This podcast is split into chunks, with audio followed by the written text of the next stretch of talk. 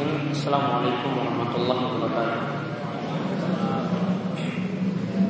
إن الحمد لله نحمده ونستعينه ونستغفره ونعوذ بالله من شرور أنفسنا ومن سيئة أعمالنا. من يهده الله فلا مضل له ومن يضلل فلا هادي له. وأشهد أن لا إله إلا الله وحده لا شريك له. وأشهد أن محمدا عبده ورسوله. اللهم صل على نبينا محمد وعلى آله ومن تبعهم بإحسان إلى الدين. اللهم انفعنا بما علمتنا وعلمنا ما ينفعنا وزدنا علما. اللهم أصلح لنا ديننا الذي هو عصمة أمرنا وأصلح دنياي التي فيها معاشنا وأصلح آخرتنا التي فيها معادنا. واجعل الحياة زيادة لنا في كل خير. waj'al al-mauta rahatan lana min kulli syarr. Alhamdulillah. Wanifuddin rahimani wa rahimakumullah. Pada kesempatan malam hari ini kita bersyukur pada Allah atas nikmat yang telah Allah berikan kepada kita sekalian sehingga pada kesempatan kali ini kita kembali melanjutkan pembahasan kita dari kitab Riyadhus Shalihin karya Imam Nawawi rahimahullah di mana kita mengangkat bahasan-bahasan adab yang kali ini kita telah menginjak adab-adab safar. Pada pertemuan sebelumnya yang kita kaji adalah hadis yang membicarakan tentang doa yang dibaca ketika khawatir atau takut pada seseorang ketika safar yaitu hadis 982 hadis dari Abu Musa al Ashari radhiyallahu anhu bahwasanya Rasulullah SAW karena idza khafa qauman Rasulullah SAW ketika takut pada ketika takut pada suatu kaum ia berdoa Allahumma inna naj'aluka fi nuhurihim wa na'udzubika min syururihim. Ya Allah, kami menjadikanmu menjadikan engkau ya Allah fi di dada-dada mereka artinya menjadikan rasa takut kepada mereka wa na'udzubika min syururihim dan kami meminta perlindungan padamu dari kejelekan atau kejahatan mereka. Hadis ini diriwayatkan oleh Abu Dawud dan An-Nasai dengan sanad yang sahih. Sekarang kita masuk pada bab yang baru. Imam Nawawi membawakan judul bab 174 Mayakulu iza nazala manzila. Bacaan yang diucapkan ketika mampir di suatu tempat. Bacaan yang diucapkan ketika mampir di suatu tempat. Hadisnya adalah hadis nomor 983 Tis'umiyah Salasawa Samanun Yaitu dari Khawla binti Hakim. Dari Khawla binti Hakim radhiyallahu anha. Khawla mengatakan Sami'tu Rasulullah sallallahu alaihi wasallam yaqul Aku pernah mendengar Rasulullah Sallallahu Alaihi Wasallam bersabda, "Man nazala manzilan, sumakal siapa yang singgah di suatu tempat, lantas ia mengucapkan bacaan berikut." A'udzu bikalimatillahi tammati min syarri ma khalaq. Aku meminta perlindungan kepadamu ya Allah dengan kalimat-kalimat Allah atau minta perlindungan dengan kalimat-kalimat Allah yang sempurna. Aku meminta perlindungan dengan kalimat Allah yang sempurna dari kejelekan setiap makhluk. Dari kejelekan-kejelekan setiap makhluk. Maka kalau doa itu dia baca keutamaannya. Lam yadurrahu syai'un hatta yartahila min manzilihi dzalik. Kalau dia membaca auzu bikalimatillahi tammati min syarri ma khalaq maka tidak ada yang dapat membahayakannya sedikit pun juga sampai dia beranjak dari tempat tersebut. Jadi keutamaan dari bacaan ini kalau dia baca ketika mampir di suatu tempat maka tidak ada yang mengganggunya sampai dia beranjak dari tempat tersebut. Faedah yang bisa kita ambil dari di sini Kata Imam Nawawi disunahkan saat mampir di suatu tempat membaca bacaan tadi. Disunahkan ketika mampir di tempat baca bacaan tadi. Mampirnya di sini kata para ulama terserah ketika itu dia berhenti untuk berdiam lama di situ. Qala iqamatuhu berdiam lama di situ atau cuma berhenti sejenak. Contohnya misalnya ketika kita safar dari Jogja ke Solo. Saat mampir suatu tempat ya maka disunahkan baca bacaan ini. Walaupun mungkin cuma reaksi setengah jam di situ. Karena dia khawatir karena kita mendapatkan bahaya sesuatu maka dari itu dibaca karena doa ini. Auzubikallimatillahi tammati min syarri ma jadi diamnya terserah mau waktu yang lama atau waktu yang singkat Kemudian faedah yang lainnya lagi Doa ini berisi perlindungan. Doa ini berisi perlindungan dengan kalimat Allah. Yang berarti kalimat Allah di sini adalah di antara sifat-sifat Allah. Kalimat Allah di sini adalah di antara sifat-sifat Allah. Sehingga dapat disimpulkan sifat Allah itu bukan makhluk. Sehingga dapat disimpulkan sifat Allah atau kalimat Allah itu bukan makhluk. Karena aturannya tidak boleh kita meminta perlindungan kepada makhluk. Ya, tidak boleh kita meminta perlindungan kepada makhluk. Yang ada kita bisa minta perlindungan itu pada Allah dengan nama Allah atau dengan menyebutkan sifat-sifat Allah. Sedangkan kalau di dalam dua ini dikatakan auzu bi. Maka di sini menunjukkan bahwasanya kalimat Allah yang dimaksud di sini adalah bukanlah makhluk. Karena tidak boleh manusia dalam doanya meminta perlindungan kepada makhluk. Kemudian faedah yang lainnya lagi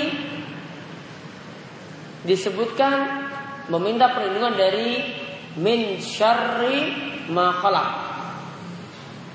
Min syarri ma dari segala kejahatan. Ya dari segala macam kejahatan. Makhluk ini bermakna umum. Ma khalaq ini bermakna umum. Dalam bahasa Arab, ma dan khalaq di sini dapat ditakwil dalam bentuk masdar yang berarti adalah isim nakira sehingga dapat dimaknakan umum apa pun makhluk yang jahat-jahat atau kejelekan makhluk yang ada kita minta perlindungan dari itu semuanya baik itu dari manusia mungkin dari perampok jadi pembunuh yang akan membunuh seorang atau mengganggu atau menculik bisa minta perlindungan kepada Allah dengan doa ini. Begitu juga untuk makhluk-makhluk jahat, hewan-hewan yang jahat seperti ular, ular-ular berbisa dan yang lainnya, ketika membaca doa ini maka akan terlindung dari kejahatan itu pula. Maka kejahatan atau kejelekan yang dimaksud adalah dari setiap makhluk. Ini bentuknya umum. Ya, ini bentuknya umum, bukan hanya dari manusia saja. Dari hewan pun, begitu juga dari jin pun, dari setan pun juga termasuk di dalamnya. Makanya doa ini dikatakan oleh Nabi SAW terakhir. Siapa yang bacanya maka tidak ada yang akan mengganggunya sampai dia beranjak dari tempat tersebut siapa pun tidak akan mengganggunya. Ini janji Allah bagi orang yang membaca doa ini. Ini janji yang disebutkan oleh Nabi SAW bagi siapa yang membaca doa tadi. Faedah yang lainnya lagi, janji Allah itu akan mudah terwujud jika seseorang mengamalkan doa tadi dan meyakini isinya. Seorang mengamalkan doa tadi dan meyakini isinya.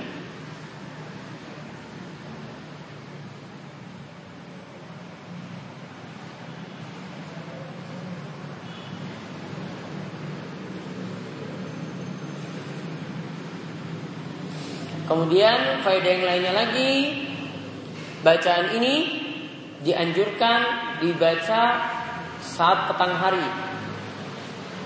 Jadi bukan hanya saat safar saja mampir namun saat petang hari Ba'dal maghrib Setelah maghrib Membaca Bacaan tadi sebanyak tiga kali A'udzu bikalimatil min syarri ma. Diulang sampai tiga kali. Dalam riwayat yang ada disebutkan doa tadi adalah ba'dal maghrib, setelah maghrib.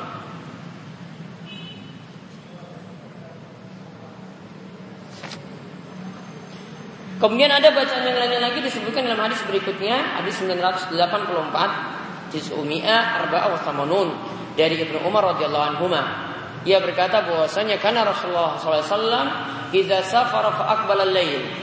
Rasulullah SAW itu biasanya ketika safar, ketika sudah tiba malam, Beliau membaca doa ya ardu rabbi wa rabbik wa rabbukillah Wahai bumi, Robku dan Robmu itu adalah Allah. Auzubillahi min syarriki wa syarri ma fiki.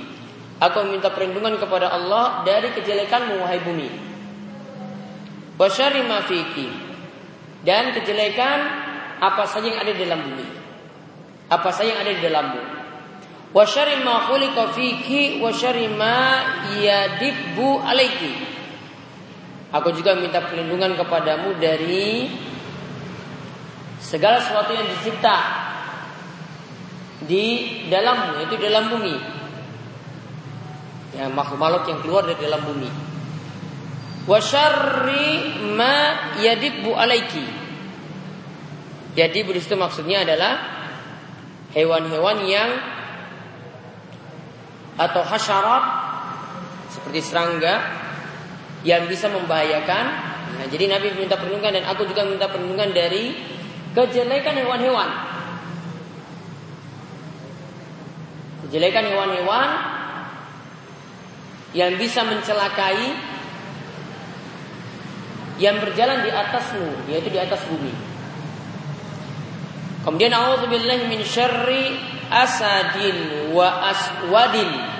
Dan aku juga minta perlindungan kepadamu ya Allah dari asad, dari singa. Wa aswadin dan dari ular. Wa minal hayyati wal akrab dan dari ular dan dari kalajengking. Wa min sakinil baladi dan dari tempat berdiamnya jin. Wa min walidin wa mawalad Walidin itu adalah minta perlindungan dari iblis dan juga dari pasukan-pasukannya. Saya ulang doanya, ya ardu Rabbi wa rabbukillah. Ya ardu Rabbi wa rabbukillah. A'udzu billahi min syarriki wa syarri ma fiki. Wa syarri ma khuliqa fiki. Wa syarri ma khuliqa fiki. Wa syarri ma yadibbu alaiki A'udzu billahi min syarri asadin wa aswadin wa minal hayyati wal akrab wa min sakinil baladi wa min walidin wa mawalad. Saya ulang artinya wahai bumi Robku, Tuhanku dan Tuhanmu itu sama yaitu Allah. Aku minta perlindungan kepada Allah dari kejelekanmu dan kejelekan apa yang ada di dalammu. Wasyari ma dan kejelekan segala sesuatu yang diciptakan di dalamnya, di dalammu. Wasyari ma yadibu alaiki dan aku minta perlindungan juga dari uh, kejelekan hewan-hewan yang berjalan di atasmu, hewan-hewan jahat yang berjalan di atasmu. Aku juga minta perlindungan kepada Allah dari kejelekan singa dan juga aswat yang dimaksudkan aswat sini adalah oh, adalah ular namun Imam Nawawi mengatakan asah seseorang. Jadi kejahatan orang. Wa minal hayyati dan juga minta perlindungan dari ular, wal akrab dan dari kalajengking, wa min sakinil balad dan meminta perlindungan dari jin yang menempati bumi. Dan juga minta perlindungan dari wa min walidin wa mawalad. Dari walid, walid itu artinya iblis dan juga dari walad itu artinya asyayatin yaitu pasukan-pasukan iblis yaitu para setan. Maka faedah yang bisa kita ambil dari hadis ini ketika tiba malam setiap musafir disunahkan membaca doa tadi. Ketika tiba malam setiap musafir disunahkan membaca doa tadi.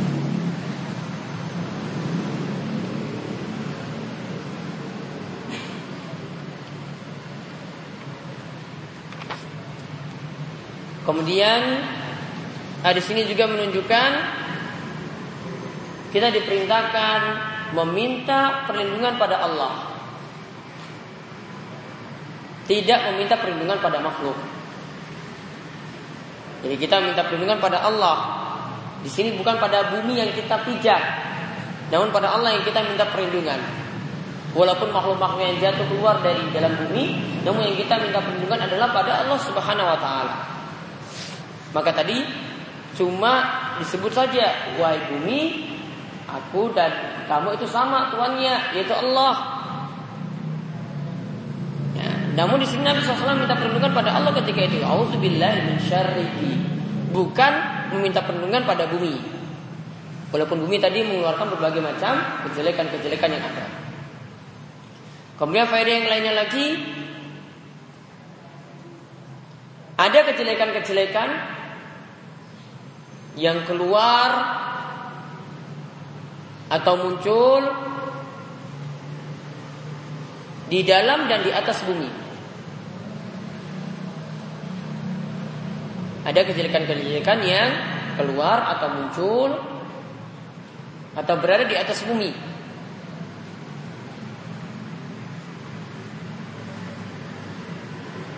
Kemudian faedah yang lainnya lagi kejelekan atau kejahatan bisa juga dari binatang-binatang seperti singa, ular, atau kalajengking.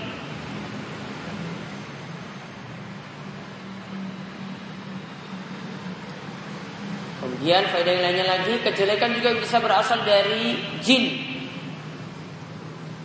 iblis, dan pasukannya yaitu para setan.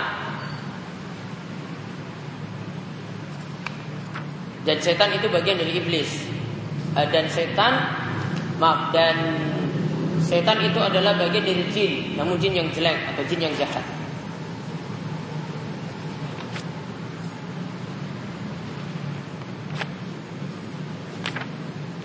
Nah itu dua doa yang dibaca ketika kita mampir di suatu tempat. Yaitu bisa dengan auzubi kalimatillahi tammati min syarri Bisa dengan doa yang kedua yang kita bahas tadi.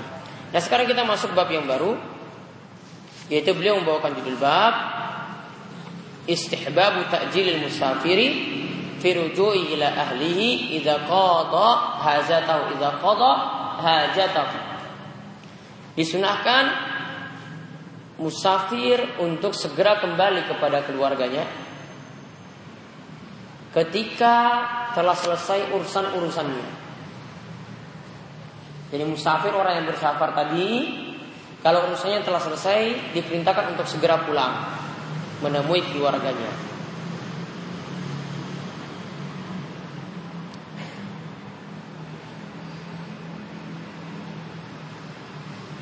Hadisnya hadis nomor 985 tis'umia khamsa wa thamanun dari Abu Hurairah radhiyallahu anhu dari Abu Hurairah radhiyallahu anhu Anna Rasulullah SAW kal, bahwasanya Rasulullah SAW itu bersabda, As-safaru kit'atum minal azab. Safar itu adalah bagian dari siksa. Safar itu adalah bagian dari siksa. Yamna'u ahadakum ta'amahu wa syarabahu wa naumahu Safar itu menghalangi seseorang dari makannya, minumnya, dan tidurnya. Artinya orang yang bersafar itu sulit makan, sulit minum, sulit tidur. Oleh karena itu kata Nabi, fa iza qada ahadukum nahmatahu min safarihi falyu'ajjil ila ahlihi. Oleh karena itu jika salah seorang di antara kalian telah selesai dari urusan-urusannya saat safar, maka segeralah dia kembali menemui keluarganya. Hadis ini mutafakun alaih diriwayatkan oleh Imam Bukhari dan Muslim.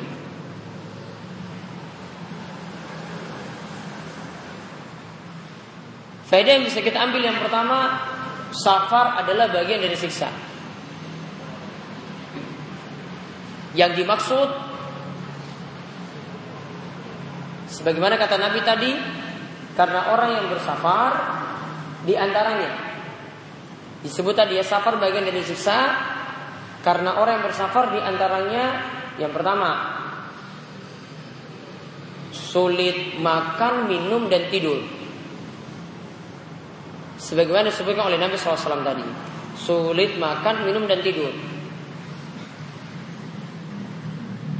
Artinya dia tidak bisa merasakan secara puas makan ketika safar paling makannya ya nanti sedikit begitu juga minumnya apalagi tidurnya kemudian di antaranya lagi yang kedua orang yang bersafar akan merasakan capek yang sangat berat. Walaupun dengan menggunakan kendaraan yang modern sekalipun saat ini. Ya, dia menempuh dengan pesawat satu jam misalnya ke Jakarta tetap ada rasa capek.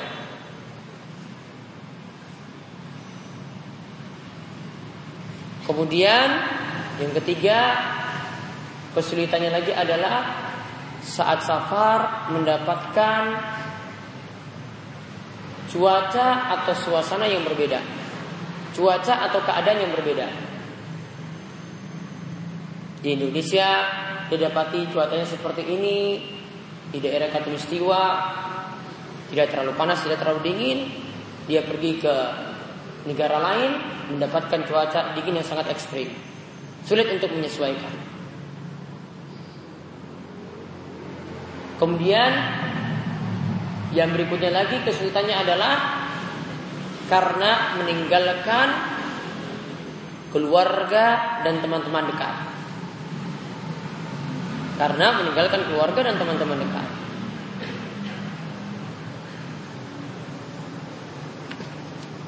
Maka di antara para ulama ada yang mengatakan safar itu adalah bagian dari siksa. Mereka katakan karena safar tadi meninggalkan anak dan istri. Karena safar tadi itu meninggalkan anak dan istri. Nah, dan itulah bagian dari siksa. Kemudian faedah yang lainnya kalau hajat saat safar itu sudah terpenuhi Artinya kebutuhannya itu ketika safar sudah terpenuhi maka segeralah kembali kepada keluarga. Maka segera kembali kepada keluarga. Tidak lama-lama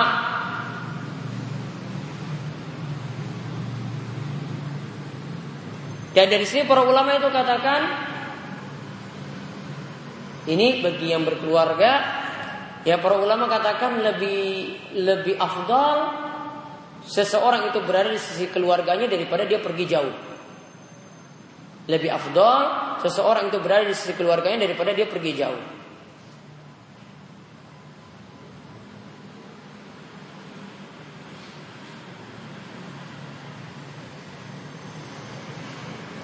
Maka sebagaimana kata Ibnu Hajar ketika membahas di sini beliau katakan dimakruhkan. Tagarub anil ahli li hajah. Pergi jauh dari